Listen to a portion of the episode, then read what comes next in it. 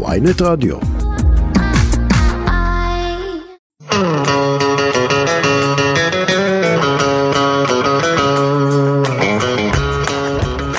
מחוץ לפריים, שלום, שלום לכם, אנחנו עם אורח חדש, חדיש ומחודש, עופר חיון, אהלן, מה נשמע? אהלן רן, מה העניינים? מעולה. בסדר גמור, איך אתה, בסדר? ברוך השם. יופי, אתה מגיע אלינו מאיפה היום?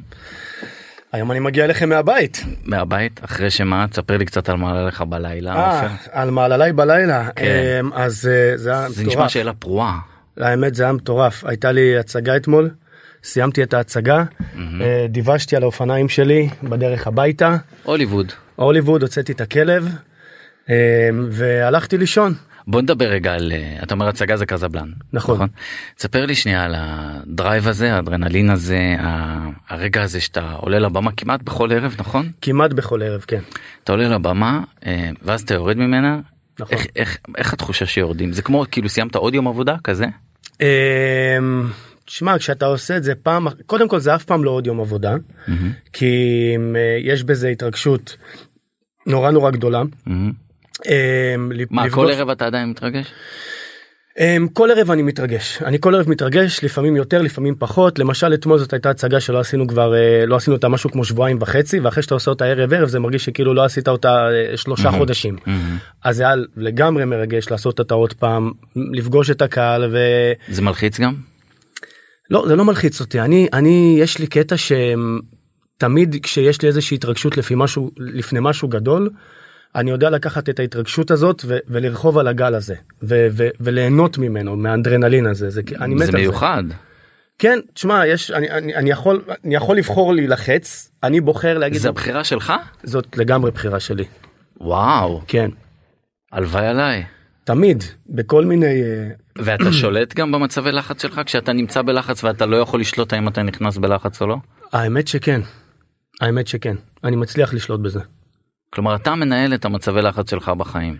אמ, כן אתה יודע בחיים זה אתה יודע בחיים זה קצת יותר אה, קצת יותר מורכב והיה לי הרבה מצבים שאני הייתי צריך לנהל את ה... לנהל את המצבים המורכבים האלה אמ, אבל אה, בוא נגיד ככה שבבמה זה יותר קל לי. כי אתה מרגיש מה בטוח שם? כן כי אני מרגיש בטוח שם כי אני בטוח במה שאני מביא ו- וכאילו הניסיון שלי לימד אותי שאני צריך פשוט לבוא ולהיכנס בכל הכוח ולעשות את ה-the best שלי ושזה יעבוד. שמע אם אם מסתכלים אני חושב שאם אני שואל את הקהל בבית כן אנחנו פה לא נקבל תשובה כמובן אם אני שואל את הקהל בבית מבחינתם אתה שחקן צעיר. אבל השנה הזאת אתה חוגג 40. אתה אמ, כזה סוג של late bloomer כזה נכון? ההתפוצצות שלך הייתה די מאוחרת באופן יחסי. כן אני late bloomer ובכללי אני מרגיש שאני שאני late bloomer בדבר הזה. עכשיו עכשיו זה קטע כי כאילו אני נמצא בתעשייה הזאת סיימתי ללמוד בגיל אה, 25 בית ספר ו- למשחק. בית ספר למשחק את הסרט הראשון שלי עשיתי בגיל 24 עם רונית אלקבץ. אמ, ציון ואחיו זה היה תפקיד אה, תפקיד ראשי וזאת אומרת כאילו לפני שסיימת בית ספר למשחק זה- קיבלת תפקיד ראשי בסרט עם רונית אלקבץ. כן וכאילו אני נמצא בתעשייה הזאת אה, 14 שנה שזה שזה המון כאילו אתה יודע המון הכל יחסי אבל מבחינתי אני מרגיש שזה הרבה מאוד זמן. אמ, וכן יכול להיות שיש חלק מהקהל ש, שיכול דווקא להיות שמסתכל עליי כשחקן צעיר. איך אתה להיות. מסביר את זה? שמע אני חושב של, שלאורך השנים אני עשיתי אה, דברים אה, ברוך השם טובים אבל זה תמיד היה ב... אני זה, לא רוצה להגיד נגיעות נגיעות זה לא המילה לא היה. דציבלים גבוהים לדברים שעשית? היה דציבלים מאוד גבוהים ללהיות איתה היה דציבלים מטורפים לשעת נעילה דציבלים מטורפים ללהקה האחרונה בלבנון. אבל זה אבל. שנייה אבל אתה ההתפוצצות שלך התחילה מלהיות איתה. מלהיות איתה. עד כן. להיות איתה היית אנונימי. עד להיות איתה כן הייתי אנונימי עשיתי תפקידים קטנים הייתי ב, הייתי בילדי ראש הממשלה שיחקתי בבננות של איתן פוקס אה, באופוריה עשיתי תפקיד של אה, רון אופוריה זה לשם. בכלל סדרה שהקדימה את זמנה. וואו היא הקדימה את זמנה ב, ב, זה פשוט לא יאומן. עובדה שהיא מתפוצצת עכשיו כאילו בשנים האחרונות אני בארצות הברית. בעיניי האופוריה של HBO זאת אחת הסדרות הכי מטורפות שיצאו. וזה מדהים כמה גם היוצר הזה רון לשם אתה יודע ראה את הדברים עשר שנים אחורה ויותר סדרה שאני חושב שפה לא הבינו אותה מהמם. והיום אמ, בכלל כל דור הטיק טוק וכל אה, מה שקורה בעולם כל, ה, כל השיגעון הזה הסדרה הזאת היא ממש אה, ממש בעיניי משקפת. אז אם אנחנו חוזרים ללייט בלומריות שלך בעצם מלהיות איתה הדברים התחילו טיפה לתפוס תהודה נכון ובשעת נעילה כבר הייתה התפוצצות הגדולה. כן כן. איך, איך, איך החיים שלך נראו לפני ואחרי? אמ, תשמע יש משהו בזה שההתפוצצות לא באה לך בגיל צעיר שאתה יודע לקחת את הכל בפרופורציה. אמ, אתה יודע להיות עם הרגליים על הקרקע בכלל בכללי אני אני כאילו אני אעיד על עצמי שאני אין לי איזושהי אתה יודע התלהבות מסוימת או כאילו לראות את הדברים אה, לא יודע. מה אתה אומר אני לא רואה, רואה את עצמי בטלוויזיה אני לא מתלהב כזה? לא אני לא מתלהב אני אני ממש זה כל כך דבר שאני אוהב לעשות וכל כך יש לי פשן לזה ש, שאני באמת עושה את הדבר הזה זאת באמת התשוקה שלי.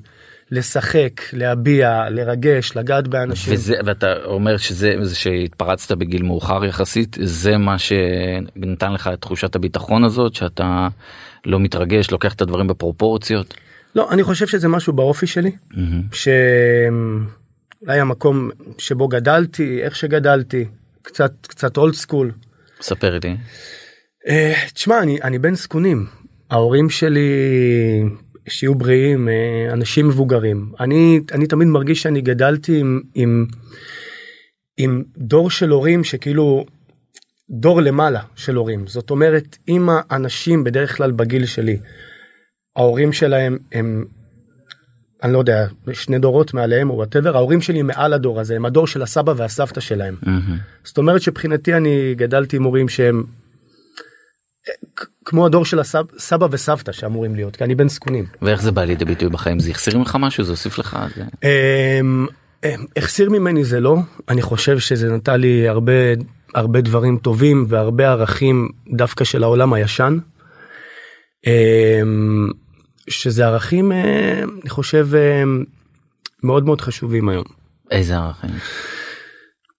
תשמע אני לא רוצה להעיד על עצמי כן אבל אני יכול להגיד לך שההורים שלי הם אה, אנשים אה, פשוטים ו... וצנועים ולא מעניין אותם אתה יודע יותר מדי שופוני וכל מיני דברים כאלה הם פשוט אנשים טובים ו... אתה יודע אני שומע את הלב שלך דופק עד פה. לא לא לא הלב שלי לא דופק. כן. קודם קודם כל כשאני מדבר על ההורים שלי אני מתרגש. אז זה לזה התכוונתי. תמיד כן. אמ, אבל תשמע ההורים שלי לא מתלהבים כאילו הם יראו אותי עכשיו ואתה יודע אני יכול להתקשר לאמא שלי להגיד לה אמא שומעת תראי תפתחי טלוויזיה אני עכשיו אהיה פה אני עכשיו אהיה שם וזה איזה יופי יופי הכל סבבה אכלת הכל בסדר כאילו אתה יודע זה לא באמת מעניין אותם. וזה גם מה שעוזר לך להישאר עם הרגליים על הקרקע? אמ, תשמע אני לא יודע להסביר את זה אני פשוט כאילו חושב שאני כזה בסופו של דבר אני יודע מה באמת אתה נשארת חשוב. לגור איתם באשדוד עד גיל מאוחר נכון? גם עד אני- גיל 32 כזה? אני גרתי איתם בבית עד גיל 28 מהמם. אמ, ובגיל 28 עברתי לאשדוד שכרת דירה באשדוד. כן מהמם. ואחר כך בגיל 32 עברתי לתל אביב כן המעבר הזה שאתה שאתה יודע שבסוף מאחוריך שני הורים מבוגרים שצריכים אותך. נכון אה, זה היה קשה? זה היה לי מאוד קשה. מאוד קשה בגלל זה אני לא לקח לי זמן לעשות את המעבר הזה. אמ, כאילו אני הרגשתי ש... הרגשתי שאני תשמע קצת זה זה קשוח להגיד אבל הייתה לי איזושהי הרגשה פנימית כאילו אתה כאילו כאילו אתה נוטש את ההורים שלך כאילו שהם צריכים אותך. שזאת הרגשה קשה. אבל אמ, כמובן זה היה איזו הרגשה סובייקטיבית כזאת שהיא לא נכונה. ו... אבל למה הרגשת כי כי כי מה כי אתה היית חלק אה, מהתפעול השוטף של היום יום שלהם? לא כי ההורים שלי אה, עברו הרבה בחיים. הם עברו הרבה ואתה יודע שהיה לי אח ש... שנפטר שאני הייתי צעיר. נפטר ו- מסרטן. נפטר מסרטן ושיש לי אח שהוא אה, שהוא יש לו פיגור שכלי ושיתוק מוחין והוא נמצא במוסד. ו... ואני אפוטרופוס שלו היום. ואתה יודע יש יש איזושהי כובד של אחריות צריכים אותך שם צריכים אותך שם גם באנרגיה גם באהבה שאתה נותן ולקח לי זמן אה, איכשהו אתה יודע ללכת ואני יודע ידעתי שאני צריך ללכת ולהגשים את עצמי וללכת ואני צריך את הפרטיות שלי אז זה לקח זמן אה, אבל כמובן שאני עדיין דואג אה, להיות שם כמה שיותר ו- ולדבר כמה שיותר ולתמוך. ומה הייתה התגובה של ההורים כש... כשאתה אומר להם שאתה רוצה לעזוב לתל אביב? אני מנחש מה היא הייתה. מה? תגיד אתה אני אגיד לך אחר כך אם צדקתי. לא תגיד לי מה מה אתה יכול לנחש מה הייתה? אני חושב שהיא אמרה היית צריך לעשות את זה קודם. אמ, לא לא זה לא היה אני צריך אני לא זה ממש לא הייתה התגובה אבל התגובה הייתה שאם זה מה שאתה חושב שאתה צריך לעשות אז תלך ובאהבה ובכיף היא לא גרמה לך תחושת אה, אשמה. ואני גרמתי לעצמי תחושת אשמה. ההורים שלי אף פעם לא גרמו לי תחושת אשמה לגבי שום דבר. אז למה אז למה אתה אם, אם לא קיבלת את התחושה הזאת מהם מאיפה זה בא לך כי כי- מה כי יש לך הרבה על הכתפיים קודם כל כי יש לי הרבה על הכתפיים וגם כי שיש אה, אנשים שאתה כל כך אוהב ושאתה רואה את הטוב שלהם כל כך ואת, ואתה אוהב אותם אז את, לפחות אני אני בעצמי לקחתי את זה לקחתי את זה עליי אתה מבין? כלומר, זה, זה, זה, לא, זה לא נכפה עליך אתה אומר לא זה לא נכפה עליי שום דבר לא נכפה אבל המציאות כן כן. כן. ואיך זה בא לידי ביטוי עם ההגשמה העצמית שלך כי זה בשקט יכולת להיות סיפור של בן אדם שוויתר על חייו והקדיש אותם למשפחה שלו. נכון. בסוף החלטת שלא היה רגע אני מניח שגרם לזה. נכון אבל אני אני לא יכול כי חלק מה חלק מהמהות שלי חלק מכל הסיפור המשפחתי הזה זה, זה, זה זאת המהות שלי גם כשחקן כי אני כש... אתה יודע בתור ילד שהבית שלך שהתא המשפחתי שלך חווה כזאת טלטלה כמו אח ש... אח שנפטר ואחרי שיש כבר אח שנולד עם שיתוק מוחין ו... אז ה... השבר השבר הוא כל כך גדול שאני כילד לא לא לא לא הצלחתי איפשהו להכיל את זה זאת אומרת אני חושב שהייתה הדחקה נורא גדולה. ואני זוכר שההורים שלי תמיד ניסו לשמור עליי מהדבר הזה זאת אומרת לא ניסו להראות לי את ה... את ה... את הכאב של האובדן ודאגו שתהיה לי לפחות כלפי חוץ. אתה יודע ילדות שמחה ו- ו- וקידוש ושירי שבת וכאלה ו... אבל בסופו של דבר יש בבית איזשהו תדר. והתדר הוא של אובדן נורא נורא גדול. ואני חושב שאני כילד לא ידעתי אני רק עכשיו אחרי הרבה שנים הצלחתי להסביר לעצמי את זה או להבין את זה. או לפחות לחשוב כן. אמ, ואני חושב שהיה לי את הצורך הזה את כל המטען הרגשי הזה איכשהו לפרוק ואיכשהו להביע. ויש לי אותו עד היום אמ, את הצורך הזה לפרוק ולהביע אותו. ואני מביע אותו דרך, ה... דרך העבודה שלי. דרך המשחק. כן אתה יודע כשאתה אומר את זה אז זה, זה לגמרי נשמע כמו איזשהו סיפור סינדרלה של אה, בן אדם באמת? ש... אני ממש לך, לא מרגיש לא, ככה. אני אגיד לך אני אגיד לך אז כשאתה לוקח את ההקרבה הזאת של עצמך ואומר רגע אני הולך עכשיו אה, ומתחיל את הקריירה שלי לעשות את הפורקן שלי בתור עופר כאילו. אז ישר עולה בסיפורים כאלה של יאללה שאתה בא ומצליח וקורע את העולם. ואז עולם השואו ביזנס הוא מאוד מאוד קשה. נכון. ואתה גם יכול להיתקל שם בכישלונות. לכן זה הכי לא סיפור סינדרלה שיכול להיות. אני נתקל במלא כישלונות. תמיד. כל הזמן אני נתקל בכישלונות. כלומר אתה צריך לבוא עם התיק הזה שבאת איתו מהבית ואני קורא לו תיק רגשי מאוד. כן ואז אתה צריך להת, להתמודד עם הקשיים שלך כשאתה לא מצליח בעולם משחק ולא אתה כעופר אלא כי זה עולם מאוד אכזר אז אין שם הצלחה מיידית. נכון. אז איך מוצאים את הכוח להתמודד עם כל זה כשאתה גר לבד בתל אביב בגיל 32 שאתה כמעט אין לך שם חברים אני מניח. לא, לא, לא, אה, לא, יש לך שנייה, מהבית ספר שנייה, זה לא למשחק. נכון זה לא נכון יש לי המון אתה אתה חברים אתה מקלקל את אתה, אתה הסיפור עם מקלקל את. הסיפור סינדרלה זה לא איזשהו סיפור כזה של מישהו שבא משום מקום זה ממש לא יש לי מלא חברים בתל אביב לא אם אתה עברת מאשדוד לתל אביב אז אבל לא משנה תמיד גם שהייתי תשמע גם שהייתי באשדוד הייתי כל הזמן בתל אביב היית מבלה. גם הייתי מבלה בתל אביב גם החברים שלי בתל אביב גם גם עבודה הייתה בתל אביב. המון דברים הכל היה כלומר. מגיל 28 מ- מאז שסיימת בית ספר לא לא לא למשחק מאז שסיימתי בית ספר למשחק. 25 אתה נוסע הולך חוזר מאשדוד לתל הולך אביב חוזר כבר כש- כשלמדתי מגיל 22 כבר ועובד בתור שחקן ועובד בתור שחקן כן. עובד בתור שחקן ובאשדוד מלמד משחק מלמד משחק נוער בסיכון וככה מתפרנס.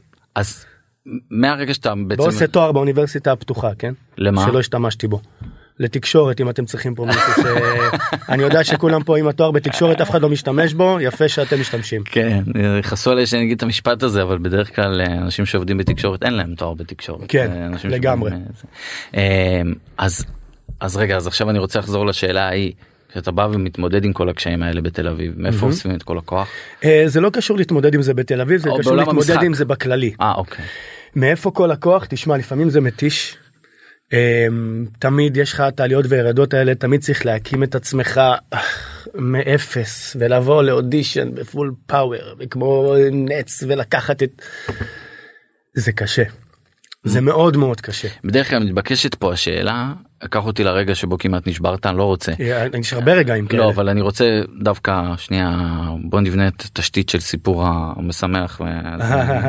אוקיי. אה, הרגע הזה שאתה מבין שאתה אה, נלחמת כל כך הרבה על תפקיד מסוים ועשית הרבה אודישנים ואז אתה מקבל אותו. משהו הראשון הזה ששימח אותך שאמר אוקיי זה היה שווה לי את זה. תשמע להיות איתה זה היה סיפור מטורף. אוקיי. אמ, כי בלהיות איתה הגעתי לאודישן והיה לי אודישן מדהים ותמיד אני מספר אתה יודע בדרך כלל אתה מגיע לאודישן יש שם את הבמאי ואת המלהקת אתה נכנס לפחות כשאתה שחקן בוא נגיד בהתחלה שלך. אמ, אז אתה נכנס אתה עובד על זה אתה, אתה עושה את הסצנה ואז אומרים לך תודה רבה ואתה לא שומע מהם יותר. זה, אומרים לך תודה תודה אין לך יותר מדי עכשיו אה, דיבורים אתה בעניינים. לא יודע להרגיש מהתגובות שלהם. אתה לא, יודע, לה-. אתה לא יודע להרגיש שום דבר ופה נכנסתי לחדר היה שם גם את אסי עזה. כן ואסי סופר התלהב מהאודישן והוא יצא איתי החוצה והתחיל לספר לי על התפקיד דברים שלא קורים. מהמם. אמ, ואחרי זה כמובן הזמינו אותי למצ'ינג אודישן שני שזה התאמות נכון? שזה התאמות זה היה עם אז הראשון נראה לי היה עם שני אביב ששיחקה את אחותי בסדרה וגם היה אודישן מדהים וכבר היה כבר דיבור על זה גם בסוכנות שלי. עבר עוד זמן ממש ואתה כוסס ציפורניים בזמן הזה כי אני יודע אתה יודע פה זה פריים טיים. אתה אה, יודע מראש שהסדרה מיועדת לפריים טיים בקשת. כן אני יודע מראש זאת אומרת ש...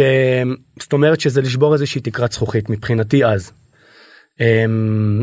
זאת אומרת אתה כבר לא תהיה אנונימי כאילו יכירו אותך.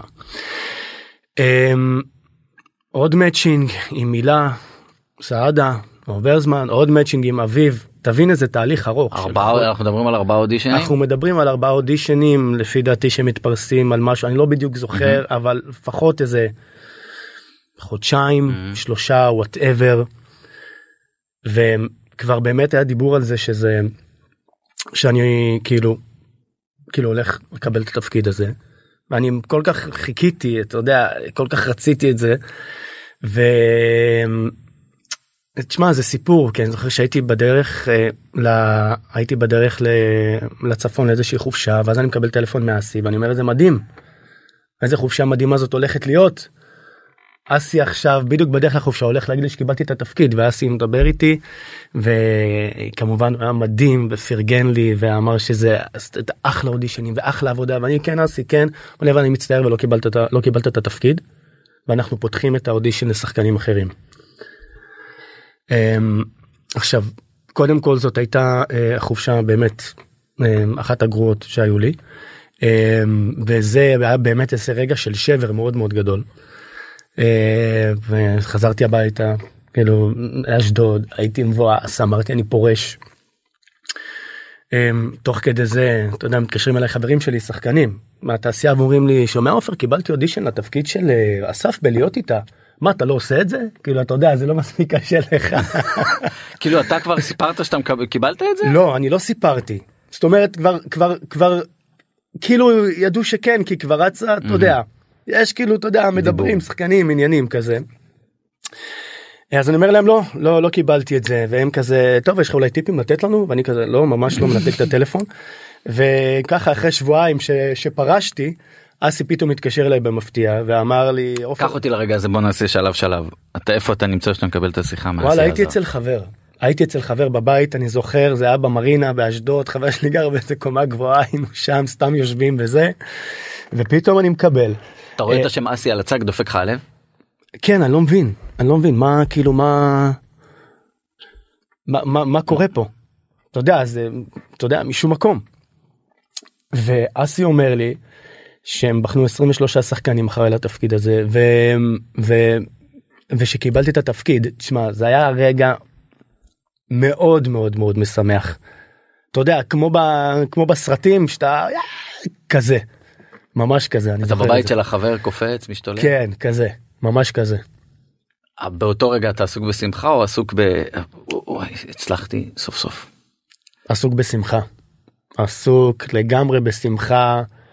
לא בהצלחתי סוף סוף לא בהצלחתי בהתרגשות לקראת מה שהולך לבוא לקראת זה ש...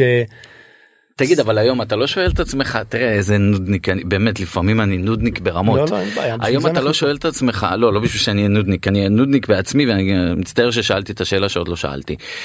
אתה שואל את עצמך היום למה בעצם היה צריך אה, עוד 23 שחקנים אחרי האודישן שעשיתי אולי אני הרע במיעוטו.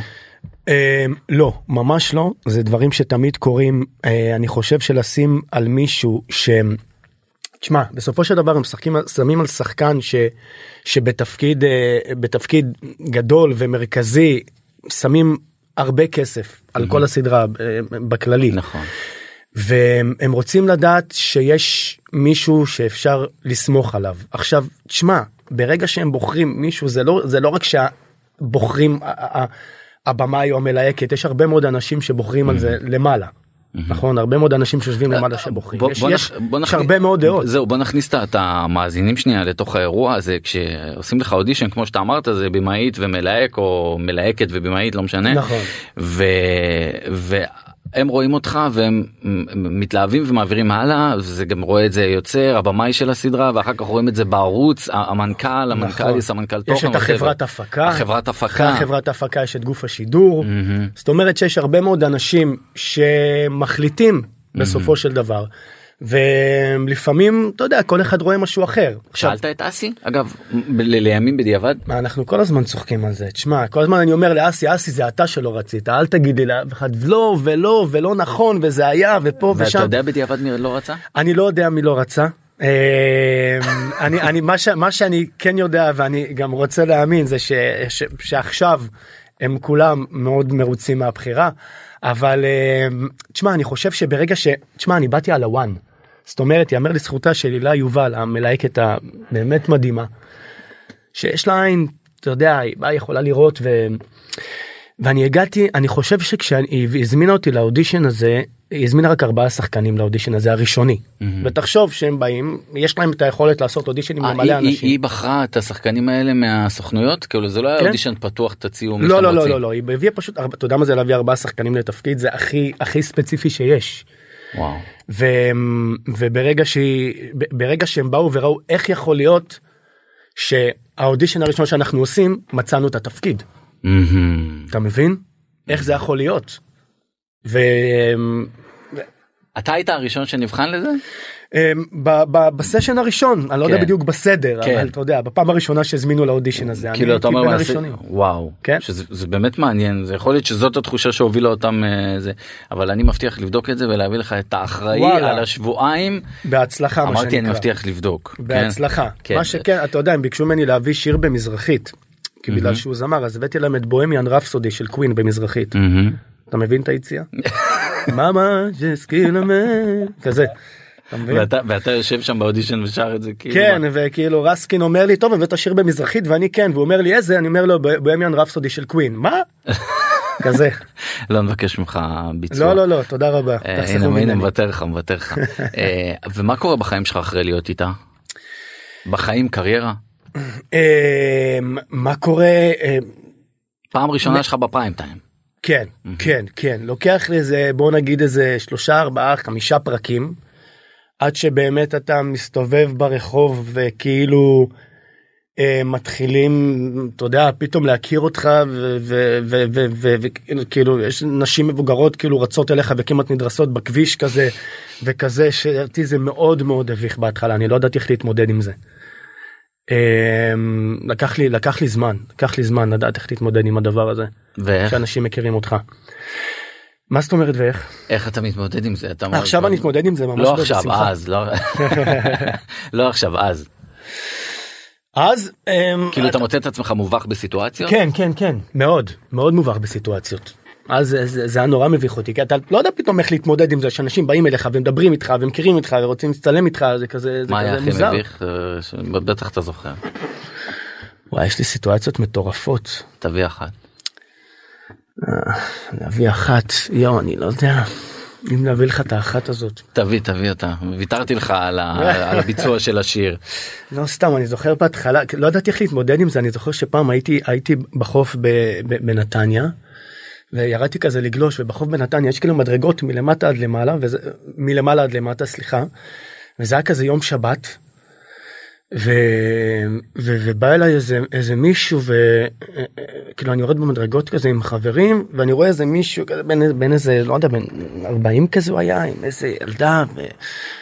והוא כזה אומר לי יואו אחי מה העניינים וזה תשמע אני מכיר אותך מזה מפול מון וזה טה-טה-די טה-טה-טה בוא תמונה. ואני אומר לו סבבה. אז אני בא כזה בתמונה והוא אומר לי אבל שומע אחי. אני שומר שבת ואין לי טלפון אז תצלם אצלך ותשלח לי. ואני אתה יודע תוך שנייה המשכתי אמרתי לו לא אחי לא מתאים. ירדתי במדרגות וכל הדרך שאני יורד במדרגות ואתה יודע והחוף מפוצץ יום שבת נתניה צרפתים עניינים אני יורד במדרגות והוא צועק לי צועק לי לכל אחד איך מי אתה חושב שאתה למה מי אתה? שלא תצטלם איתי וכאלה תשמע זה סיטואציות מטורפות אתה יודע. אבל אתה- מה כאילו למה לא לשלוח לו? כי אתה לא רוצה שיהיה לו את המספר שלך נכון? כאילו בן אדם שאתה לא מכיר נכון? זה זה אני מנסה להיכנס לראש שלך. ברור. כאילו ברור. אתה יודע אתה בא מצטלם ובכיף וסבבה והכל אבל אתה יודע מה עכשיו תשתן אצלך תשלח לי אתה יודע בסופו של דבר אה, נכון ו- ומה אתה עונה לו או שאתה ממשיך לא לא לא לא לא מה פתאום איזה עונה לו אני ממשיך בדרכי תגיד אם דבר כזה אם דבר כזה יוצא כולם מסתכלים על- זה שהוא צועק עליי מי אתה חושב שאתה אתה חושב. כבר אז כמו כוכב שמה קורה אם דבר כזה יוצא החוצה? לא ממש לא כי אני לא עשיתי שום דבר אה, שום דבר לא בסדר. ואיך היחס שלך היום כשאתה כבר יותר מנוסה יחס כן. שלך לפרסומים בתקשורת עליך אה, אינסטגרמים למיניהם וכו' וואלה אה, אה, אני בזה כאילו אני אה, לא כי לא יש עיסוק בחיי הזוגיות שלך. יש עיסוק זה זה אתה גרוש בין אה, 40 נכון? אנחנו סוגרים נכון שנת 40 נכון גרוש. בספטמבר בעזרת השם Mhm. אה, זה יכול לפעמים זה יכול להציק לפעמים זה יכול להציק אבל אתה יודע כבר למדנו שקודם כל לאף אחד לא באמת אכפת. מה זאת אומרת? לא אף אחד לא אכפת הקהל לא אכפת בסדר כל אחד מתעסק בעצמו לכל אחד אכפת מהחיים של עצמו Mhm. מי באמת אתה יודע אכפת לו מהחיים שלך אה, איפה לא, שהוא אבל עובד עובדה- למחרת עוטפים עם זה דגים כמו שאומרים למי. אכפת. הבנתי כי נגיד עכשיו הייתם בצילומים של אה, של רשת אופנה שאתה פרזנטור שלה אתה רוצה אתה מוזמן להגיד. ברור פוקס. אה, אז ומאיה ורטהיימר לא תרמה כלומר כן תרמה לשיח על הרווקות שלך היא. פרסמה תמונות שלך והציעה לעוקבות שלה להתחיל איתך זה מאיה. היה בהסכמתך? מה היה אין, דברים כמוה באמת זה תשמע קודם כל זה התחיל כמו כצחוקים שלנו למשל בפעם שעברה שהיינו ביום צילום. יצא לנו כזה תוכנית אה, ראית את זה שעשינו כאילו אהבה חדשה לא, כאילו לא עשה- ראיתי, האמת. עשה אהבה חדשה אני ומאור קידושים המעצב שיער וזה היה נורא נורא מצחיק תשמע זה היה קורע. אמ, ופה כן מאיה לפעמים היא עושה דברים אתה יודע מה לה, אבל היא יודעת שכאילו הכל טוב אני זורם צחוקים. אה רגע היא ביקשה את אישורך או לא? אמ, או שגילית את זה באינסטגרם? לא לא גיליתי את זה באינסטגרם אבל תוך כדי שהיא מצלמת היא אומרת וזה ואז אה. היא אומרת לי עופר אני יכולה להעלות את זה אה, ואז אני אומר לה כן. יפה כן. נו ומה מה אנחנו כמה 24 48 שעות אחרי האירוע מה ההשלכות? 24 48 שעות אחרי אירוע אה, השלכות הם איזה אתה יודע, כל היום שואלים אותי מלא סירים של דגים תמונות תמונות של דגים קיבלתי מלא תמונות של דגים שפת, שפ, שפתחו לי את התיאבון אה, לדגים. ו... כן. אה, תשמע מאיה זה זה מטורף איזה אינטראקציה יש לה שם כי כאילו זה אחי זה כמויות של הודעות מטורפות. ואתה רואה את עצמך יוצא עם אה, מישהי שהגיעה מהסטורי של אה, מאיה ורטהיימר שבגלל שאתה עופר חיון בוא תשמע, אולי. מה? מה, מה אני אגיד שלא? לא, יכול להיות שכן. אולי לא פוסל שום דבר, אני לא פוסל שום דבר ב... ב... לא אבל אני אגיד לך. אני אגיד לך מה אתה אמרת שם אמרת שאם אני אם אני זוכר נכון בווידאו אה, שאמונה ומה זה? ש- שאמונה זה משהו שהוא מאוד חשוב. עבורך. מסורת, אני, מסורת. אני בן אדם מסורתי, אני, וזה חשוב לי, ככה אני רוצה שהבית שלי יתנהל. וזה זה אומר שזה deal breaker מבחינתך? כן? הפלת דייטים כזה על אנשים ש... על נשים שפחות אה, היו בקו הזה? אמ, אם הפלתי דייטים. אני לא חושב שזה עניין של להפיל, אני חושב שזה עניין של איך...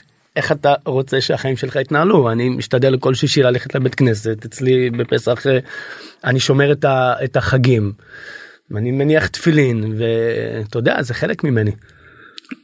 וזה מה שאני שואל זה דיל ברקר זה משהו שאם האישה לא אה, מקיימת אורח חיים כזה אתה לא שמע אני אף פעם never say never אבל אני יודע מה מה מה אני מחפש ולמה אני שואף בזוגיות שלי. גם אני הייתי כזה אגב כאילו בחיי הרווקות שלי. אתה יודע למה שאלתי כל כך למה? התעכבתי על זה כי גם אצלי זה היה deal breaker. כאילו לא אני אין לי בעיה זה חיה ותן לחיות לגמרי כאילו ברור. שהצד השני יעשה מה שהוא רוצה ברור. אבל צריכה להיות את ה... בעיניי כן את הכבוד הזה אל ההחלטה שלי אה, אם להניח תפילין או לא או אם לעשות הבדלה ביום שבת או לא כאילו בצאת שבת. כאילו אשכרה חיה ותן לחיות אבל מתוך כבוד אמיתי ולא מתוך איזה גלגול עיניים או- ברור. זאת הכוונה שלי בגלל זה אני שאלתי אותך לא לא לחלוטין איזה שאלה. כי אצלי זה כן היה deal breaker. אה, כן בסדר אני נשוי כבר אה, כמה שנתיים. שנתיים. אה, כן. ילדה. נכון יש לנו תינוקת. עד כמה אתה-?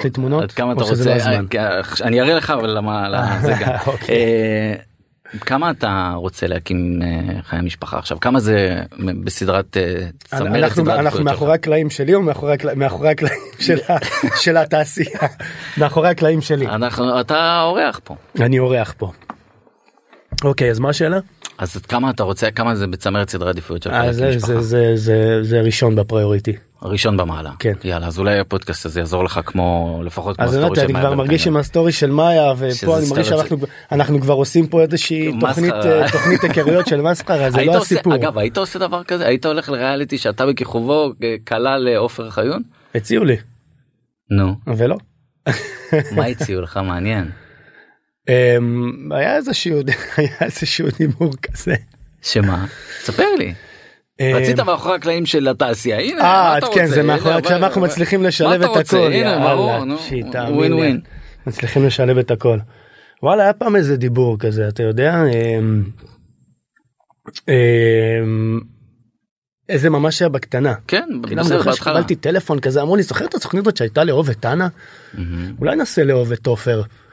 אמרתי לה, תקשיבי, אני מקבל מספיק אהבה, אני בסדר גמור, אני כאילו, אני מסודר. אבל תודה." למה לא כי כי לא, אני, תשמע, אני, בעיקרון אני, אני מאוד שומר על החיים הפרטיים שלי, אני, אני, אני... ראיתי איך הובכת מהשיחה הקודמת בגלל זה שחררתי אותך. אה, יופי. כאילו, אתה יודע, מאוד, אגב, אגב, הלייט בלומריות הזאת, אני חושב שיש איזשהו משהו ש... אמ, תמיד הייתי כאילו, אתה יודע, איפשהו כן, כאילו נמצא בחוץ, אבל בתכלס מאוד מאוד שומר על עצמי. ואני חושב שיש לזה קשר. ואני מאוד קנאי לחיים הפרטיים שלי. יש לזה קשר למה? יש ללית לזה- שאתה שומר על החיים הפרטיים כן, שלך? כן, כן, כן, כן, כן. משהו ב- ב- ב- בלהיפתח, בלתת את האקסטרה, בלתת לקהל יותר להכיר אותי. אבל אתה יודע שהיום. בעידן דיברנו בהתחלה דיברנו על אופוריה ועל עידן הטיק טוק וזה זה נכון. חלק מה. מהמוצר הזה מהמותג כי גם אני שומע הרבה מאוד שחקנים לא בלבל שלך כן שחקנים מתחילים וכו' שמספר עוקבים באינסטגרם הוא, הוא משמעותי האם הם יקבלו את התפקיד או לא נכון, אז- נכון, זה ככה היום. אז אז זה מה שאני אומר הרצון הזה לשתף את הקהל בחיים החוסר רצון הזה לשתף את הקהל מהמם. בחיים הפרטיים שלך יכול לעלות לך קצת נכון, אני מסכים איתך. וזה עולה לך אני חושב, אני, אני לא יודע אם זה עולה לי, אבל אני חושב ש... אני חושב ש... ש... שצריך את זה היום, כאילו העידן הוא כל כך מציצני, ו... ואני חושב גם אנשים אה, שיושבים למעלה מסתכלים ורואים אה, מי מעניין ומי מביא מי מעורר באז נכון מי מעורר באז ו- ובסופו של דבר גם גם זה חלק מהדבר הזה. חלק מהדבר אז הזה. אתה אומר שאתה בוחר שלא. אמ, אני חושב שלרוב לרוב אני מעלה דברים שקשורים לעבודה וכאלה ודברים שנוח לי איתם אבל אה, אני חושב שאני דווקא נמצא עכשיו במקום ש... שאני מרגיש יותר בנוח אה, לשתף. לפתוח ולשתף אה, עובדה שאני כאן כאילו והרבה יותר נוח לי לפתוח ולשתף ו... ולהיות ב- בעולם הזה. טוב אה, אחד התפקידים שאחרי להיות איתה באמת שם אותך לדעתי בראש בצמרת השחקנים בישראל זה שעת נעילה שעשית מהמם. שם תפקיד מדהים ששודרה תודה בכאן. תודה רבה. אה, עשינו כבר רעיון עליו צריך נכון, להגיד נכון. אה, ורציתי לשאול אותך אה, האם זיהית אה, הבדל באיך מסתכלים עליך אחרי התפקיד השטוטניק של להיות איתה נכון מהמם. לבין התפקיד הזה שהוא תפקיד כאילו מאוד מאוד אה, עמוק היה לך תפקיד כן. שם בשעת נעילה כן. היחס הוא אחר מהתעשייה אמ, תשמע בסו... אני אגיד לך משהו אני היה היה היה הייתה תקופה שאני חשבתי תשמע. ברגע שאתה עושה איזשהו משהו מאוד מאוד טוב אז אז יש איזושהי נטייה. לברגע שיש איזשהו תפקיד דומה להגיד אה אה, הוא מתאים לדבר הזה. והייתה לי איזושהי בחירה אחרי להיות איתה לא לעשות קומדיות כי אני הרגשתי ש... שמנסים ללהק אותי רק לקומדיות. ככה אני הרגשתי. אמ, אז כן אני תשמע את רגע אבל זה כאילו זה עולה לך בפרנסה בסוף כשאתה אומר כן אני- נכון נכון זה עולה לי בפרנסה כי את, פתאום יש איזשהו תפקיד אה, אה, דרמטי ש, שלא מזמינים אותך אליו אם אתה לא רוצה מהמם. אם אתה לא מבקש או שאני רגע שמעתי יש את התפקיד שמי רגע מדבר על. סטודנט של תפקיד תפקיד כן זה- כזה זה מעניין נכון זה מעניין ו, אמ, ו, בגלל ההחלטה הזאת אתה לא עובד תקופה? שאתה אומר אני לא רוצה שתעשו כן, תפקידים של קומדיה כן זאת אומרת שאם עכשיו אני מקבל איזושהי אודישן לסדרת קומדיה או שרוצים אותי לאיזה משהו אני אומר לא תודה כי אני לא רוצה כרגע לעשות קומדיות כי אני מרגיש שאני צריך לשבור איזשהו אני לא יודע אם זה אם זה טייפקאסט אבל אני מרגיש שאני רוצה רגע לשבור שנייה את מה שעשיתי לפני או להתחדש או, או להביא משהו חדש איזה לשולחן. אומץ. תקשיב אתה אני חושב שאם אני לצורך העניין הייתי צריך לייעץ לך הייתי אומר לך קח כאילו אתה עכשיו אה, תכה בברזל אבל, בעוד דוכן. אבל אם אתה חושב על קריירה ללונגרן אתה רוצה להביא אתה רוצה להביא להיות בדברים איכותיים שבכל פעם אתה צריך להמציא את עצמך מחדש ואני לפני התפקיד בשעת נעילה אני אני לא עבדתי שנתיים שזה המון שזה המון לשחקן לא לא אתה יודע במשך שנתיים אתה יודע יש לי את העבודה שלי ואני עושה הרצאות ו- ואני אתה מלמד. מתפרנס מהרצאות ומהלימודי משחק. אני אני עכשיו אני פחות אז אני, לא אז, אני אז מדבר על אותם שנתיים. כן כן ואתה יודע גם עושה כל מיני דברים אבל מה אה, זה עושה כל מיני דברים. אה, אתה יודע פה פה פה פה עושה איזושהי הצגה פה עושה איזושהי חלטורה חלטורה בעיקר- שקשור לעולם משחק. או ש- שקשורה לעולם המשחק הנחיה וכאלה כל מיני דברים. אתה יודע. אמ, אבל אני שנתיים לא לא לא קיבלתי תפקיד וזה הייתה זה היה שבר מאוד מאוד גדול מבחינתי. ואתה עדיין נחוש בהחלטה שלך לא לעשות קומדיות. כן. כן כי אני יודע שאם אני אעשה בעיניי לפחות אם אני יכול להיות שיכול להיות שאני טועה אתה מבין אבל לפחות אצלי זה היה. אם עכשיו אני זה, זה עוד פעם להתקבע כ, כמשהו וידעתי שאני צריך להביא משהו חדש.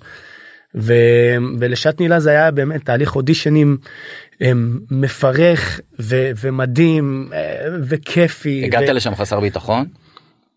לא הייתי כל כך ב... הייתי כל כך הייתי כל כך בטירוף שהגעתי הייתי במלחמה בשביל לקחת את התפקיד הזה. הייתי ממש כאילו במלחמה באתי כל כך טעון וכל כך וכל כך עם מוטיבציה ואנרגיה שאמרתי שאין סיכוי שאני לא לוקח את התפקיד הזה.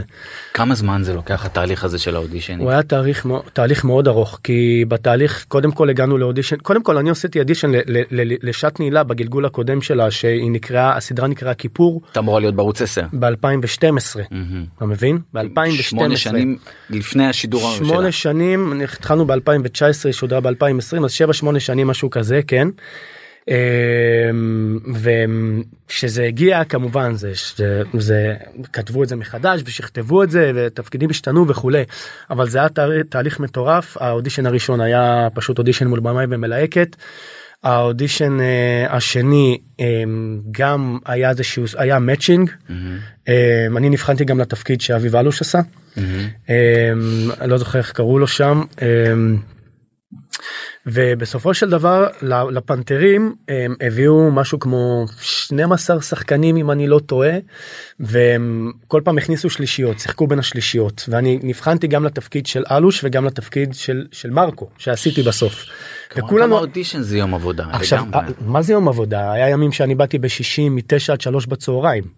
ותחשוב שאתה לא בא רק להיבחן לתפקיד אחד אז אתה צריך לבוא כאילו מיליון אחוז מוכן לתפקיד של מרקו ומיליון אחוז מוכן לתפקיד של אלוש. אגב תגיד אפרופו מאחורי הקלעים של התעשייה מקבלים כסף על הימים האלה? Um, על ימים ארוכים כן על ימים ארוכים של אודישן של מאצ'ינגים מקבלים כסף כן. Mm-hmm. כי, כי זה נשמע לי מאוד אתה יודע מתשע עד שלוש בוא. בוא נגיד ככה שאם קיבלת את התפקיד אתה לא מקבל עליו כסף ואם לא קיבלת את התפקיד אז יכול להיות שתקבל עליו כסף 아, אה, כי אתה אוקיי. באת והשקעת מהזמן שלך. הבנתי כן. אז כאילו הם פיירים. כאילו, לגמרי כן. כן. Um, אז אתה, אנחנו מדברים על כמה זמן תהליך אודישנים אז בוא נעזוב שנייה את ערוץ 10 רק נכניס שנייה אחת את המאזינים לסיפור הזה של. כיפור ושעת נעילה. בערוץ 10 רצו לעבוד על הסדרה הזאת נכון. לכבוד תאריך עגול למלחמת יום הכיפורים נכון. מסיבות כלכליות תקן אותי אם אני טועה גם מסיבות כלכליות גם לפי דעתי בגלל שערוץ נסגר וגם הייתה בעיה עם הטנקים לא מצאו טנקים שיתאימו לתקופה אז פשוט הקפיאו את הסדרה ואז היא הגיעה לתאגיד אה, כשהיא משוכתבת לגמרי לחלוטין ואז גם לשם אתה עושה אודישן כמה נכון. זמן התהליך של האודישן. אמ, לפחות חודש וחצי בעיניי. כן משהו כזה תחשוב שזה, שזה חודש וחצי חודשיים שום חודשיים. דבר לא בא לך בקלות אה? שום דבר הכל בא ב, ב, בדם יזע ודמעות. אצלך או בכלל? אמ, שאלה טובה. אני חושב שגם בכלל אבל אני חושב שגם אה, ש, ש, ש, שהרבה דברים אני הייתי צריך מאוד מאוד להילחם עליהם. ולעבוד יותר קשה למה אני לא יודע אם לעבוד יותר קשה כי אני עובד הכי קשה שאני יכול mm-hmm. הכי קשה שאני יכול שזה אומר שאם יש לי אודישן בשעה אני יודע שיש לי מאצ'ינג בשעה 9 בבוקר ואני צריך לבוא אליו רענן אז כל השבוע שלפני אני ארגיל את עצמי לישון מוקדם. Mm-hmm. בשביל לקום מוקדם ולהרגיל את עצמי לשעות האלה ברמה כזאת זה ברמה של אה, של ספורטאי. זה, זה מקצוענות לכל דבר נכון ועניין. נכון נכון ככה אני לוקח את זה. למדת מרוקאית בשביל התפקיד נכון. הזה וכמה זמן זה לוקח לימודי השפות? אמ, זה זה זה זה קשה זה קשה אבל זה שינון זה לשמוע את זה כל יום באוזניות בחדר כושר זה לשמוע את זה באוטו זה להתרגל לזה עד שזה יהיה כל כך שגור בפה שלך שהקהל לא ירגיש שזה משהו שזה לא חלק ממך מהשפה שלך. וכמה לא זמן אתה בתוך התהליך של למידת השפה הזאת? אני חושב שבכללי זה זה בכלל סדרה שהתכוננתי עליה כל כך הרבה זה הייתה זה משהו כמו כמו חודשיים.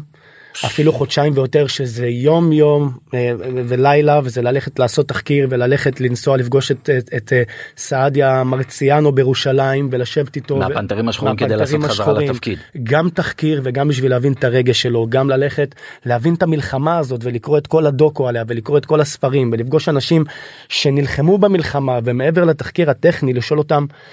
איך זה מרגיש להיות במלחמה הזאת ולראות מישהו לידך שהוא, שהוא, שהוא נפצע או, או, או לאבד חבר ואיך אתה פועל כבן אדם מעבר ללמוד את כל השפה הטכנית של הצבא שאתה בתוך טנק וזה זה עולם זה עולם ממש. אמ, זה להקדיש זה להקדיש את, ה, את, ה, את, את החיים שלך לפרויקט הזה. תגיד וכשזה נגמר יש ריק ואקום. הקטע בסדרות זה כשזה נגמר אה, יש לך את, ה, את ההתרגשות לקראת מה שכולם הולכים לראות mm-hmm. לראות את הדבר הזה שהשקעת בו כל כך וגם אתה בעצמך הולך לראות כי אתה לא יודע מה. Mm-hmm. עכשיו מה שהיה מדהים בשעת נעילה יאמר לזכות הבמאי המדהים שלנו ירון זילברמן שבדרך כלל ש, שנגמרת סדרה אתה לא רואה כלום עד בוא נגיד או בפרימיירה או שאתה רואה ממש קטעים קטנים שקוראים לך אה, לבוא ולעשות תיקוני קול וכל מיני דברים כאלה או ש... בוא נגיד עכשיו הסדרה שישה אפסים עומדת לצאת עוד מעט בחמישי שישה ליוני. אפסים בכאן. בכאן אה, של ניר ברגמן אז ניר אמר לנו אני אזמין אתכם אליי הביתה אה, אה, לראות את ה... לראות איזה לראות איזה שני פרקים לפני הפרמיירה. אה, שזה ש... ועד אז ואנחנו לא ראינו שום דבר עד עכשיו שזה ככה אף אחד תמיד זה ככה אבל בשעת נעילה. מקווה שאפשר לספר את זה אבל אבל כן אז ירון המדהים כל פעם שהיה שני פרקים מוכנים היה קורא לנו לכל השחקנים לחדר עריכה. אנחנו היינו יושבים שם פשוט שחקנים בחדר עריכה מביאים איזה וויסקי והיינו רואים את ה... היינו רואים את הקאטים של הסדרה וזאת הייתה חוויה פשוט מטורפת. תחשוב שזה היה קורונה וואו. זה היה קורונה ו... ופתאום עוברים חודשיים ואומר לנו טוב עוד שני פרקים מוכנים עושים ישיבה ואנחנו באים לחדר. אבל אתה מהיר כשאתה רואה את הקאטים? אסור לי להעיר אחד מהתנאים זה ש... זה שאנחנו יודעים. שאני חושב אגב שזה חלק מה, מהסיבות שבמאים לא מראים את זה לשחקנים לפני. ברור. כי הם לא רוצים לבוא ולהעיר הבמאי תמיד רואה את הסיפור ב, ב, בכללותו. איך פעם ראשונה שאתה רואה אתה מסתכל על על עצמך עצמך. ואתה מאוד ביקורתי ומה כן ומה פה ומה שם. והם- רגע הוא אמר לכם אני מטיל לכם כאילו טוב מי שרוצה שיבוא נכון זה לא היה חובה. ברור שזה לא חובה אבל כולם היו בטירוף. אז מי שרוצה שיבוא אבל הנה אני אומר לכם וטו אף אחד לא מדבר מילה לא מעיר. הוא לא צריך להגיד וטו הוא אומר חבר'ה אבל אתם יודעים בלי הערות ובלי עניינים אתם פשוט באים ורואים ונהנים. ותגיד אתה בדרך כלל כשחקן אתה מבקש לראות את, את מה שצולם לפני את הטייקים אתה מבקש כאילו לתקן דברים אתה, אתה קודם כל? יש קודם כל יש במאים שמראים ויש במאים שלא מראים אבל עכשיו לצורך העניין אם עכשיו צילמתי סצנה ואני מרגיש שיש שם משהו שאני צריך לראות אז אני אבקש שישימו לי רגע פליי על הטייק שעשיתי בשביל לדעת מה אני מה אני יכול לתקן. והבמאי לא חייב להרשות לך נכון? הבמאי לא חייב להרשות לי אבל אנחנו עובדים הכל זה שיתוף פעולה הכל שם זה שיתוף פעולה אחד של השני של, של, של, של המלבישה ושל, ו, ו, ושל התאורן ושל, ה, ושל, ה, ושל הבמאי ושל כדי שיהיה העורכת הס- תוצר טוב. ברור כולם עובדים ביחד בשביל ליצור את הדבר הכי טוב שיש זה ממש אנסמבל של כולם גם מאחורי הקלעים. תגיד לגבי שעת נעילה אה, תמיד אה, מאז שזה נגמר כולם מצפים יש עונה שנייה אין עונה שנייה אז חלק אומרים שכן ובהתחלה אמרו שלא כי אין תקציבים ואז אולי כן יש מה. אז אני שמעתי שהולכת להיות עונה שנייה מהמם. ושהעונה השנייה הולכת להיות um, על, um, על מלחמת, מלחמת לבנון מהמם. הראשונה. שזה לא קשור אל זה. כן יהיה קשור um, אלינו כי אנחנו אני חושב שאנחנו לפי מה שאני הבנתי שאנחנו כן נהיה שם מה במילואים כזה? כן במילואים. כן זה אתה יודע כי זה דיברו איתך זה משהו שמסוכם או שאתה כאילו אתה אומר אני שומע כמו שהשחקן שמע שוויתרו שהתפקיד של אה, לא זה משהו ש... זה משהו ש... ששמעתי מ... ממקור אמין בוא, נגיד ככה. גם תואר בתקשורת גם מקורות. אני תשמע אני, אני רק עכשיו נסדר לו פה תפקיד. רק עכשיו השתלם לי התואר בתקשורת בגלל המקור אמין הזה זה סוף סוף.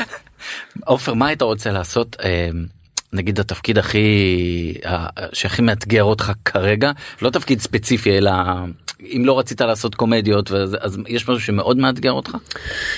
אמ, מאתגר אותי אני לא יודע אם מאתגר אותי זאת הבחינה הנכונה תשמע כל כל תפקיד שאתה מקבל הוא מאתגר אותך איפשהו תלוי כמובן איזה איזה איזה. בוא נגיד תפקיד שלא עשית עד עכשיו או להיכנס ל- ל- ל- לעולמות חדשים ולהביא סצנות פרועות ומטורפות זה, זה, זה תמיד מאתגר. אבל האתגר זה, זה, זה, זה המוטיבציה זה מה שנותן את האש. ואתה חושב שעופר מבחינתך אם אתה מסתכל 10-15 שנים אחורה היית רואה את הקריירה שלך במצב של היום? כאילו אתה זה משהו שדמיינת שהוא יהיה ברמה כזאת. אמ, תשמע אני די מרגיש שיש עוד כל כך כל כך הרבה לפניי. זה זה דבר זה דבר זה דבר ראשון. השיא אה, עוד לפניך. כן לגמרי לגמרי מהמם. ברור. ספר לי קצת על שישה אפסים. שישה אפסים זאת אה, סדרה שעולה בחמישי ליוני מהמם. בכאן 11 סדרה של סדרה של ניר ברגמן שיצרה אותה נויה נוריאלי. תסריט פשוט מדהים הסיפור הוא על אה, על על שישה אנשים שזכו בלוטו מכאן השם שלה גם שישה אפסים גם על הכסף וגם על נכון. השישה אנשים שזכו. וברגע שזוכים בלוטו לפחות בסדרה בסכומים מאוד בסכומים גדולים הסטטיסטיקה היא ש... שהם מאבדים את הכסף. מאבדים את הכסף נכנסים לחובות מתגרשים מתאבדים וואטאבר תוך שלוש עד חמש שנים. אז uh, יצא חוק שעל מנת לקבל את הכסף הזוכים צריכים לעבור סדנה של שמונה מפגשים שתכין אותם לחיים שאחרי הזכייה Mm-hmm. ואם הם לא עוברים את הסדנה הם לא מקבלים את הכסף. Mm-hmm. אז ששת הטיפוסים האלה שכל אחד מאוד שונה בתכלית נפגשים ביחד בסדנה הזאת ומפה רואים איך החיים שלהם. אה, שמעתי את, אה, את היוצרת מספרת שהיא הייתה מובטלת בזמן שהיא כתבה את הסדרה הזאת נכון. ושהיא ראתה איזשהו סרט דוקו על מה קורה לאנשים בארצות נכון. הברית שזוכים בלוטו. נכון, היא הראתה סיפור ספציפי על כן, מישהו ש... ואז היא החליטה לכתוב את הסדרה הזאת ומכאן זה, זה באמת מסר מדהים שפשוט מתקופת אבטלה יצא לה סדרה שתגיע לפריים טיים בטלוויזיה נכון. זה, זה באמת סיפור מצ... תן לה את הקרדיט. נויה ליוצרת. נוריאלי, נויה נכון, נוריאלי המדהימה, היא עבדה על התסריט הזה שנים וזה תסריט כל כך מדויק. אתה יודע, ש... אתה מבין שאני קורא תסריט כזה אני, אני כל כך מתרגש זה כל כך מדליק אותי הוא פשוט מדויק ושאתה רואה אותו קם ל, ל, ל, לחיים באמת כל פאנץ' שם כאילו עובד. איזה יופי אז יאללה זה זה בקרוב בכאן 11 אה, עופר חיון. זה מאחורי הקלעים של התעשייה וקצת מאחורי הקלעים עליך. הקלעים שלי גם, וקצת כן. מאחורי הקלעים עליך. אה, אני רוצה להגיד לך תודה רבה רבה שבאת אלינו. היה כיף גדול. אה, אנחנו ניפרד מכם מעוד פרק של מחוץ לפריים. נגיד תודה רבה לאורחים שלנו רז גרוס ודנית צמית ולטכנאים שלנו תום חלד ואביב ליבוביץ' שאנחנו ניפרד מחוץ לפריים. תודה שהאזנתם. ביי ביי.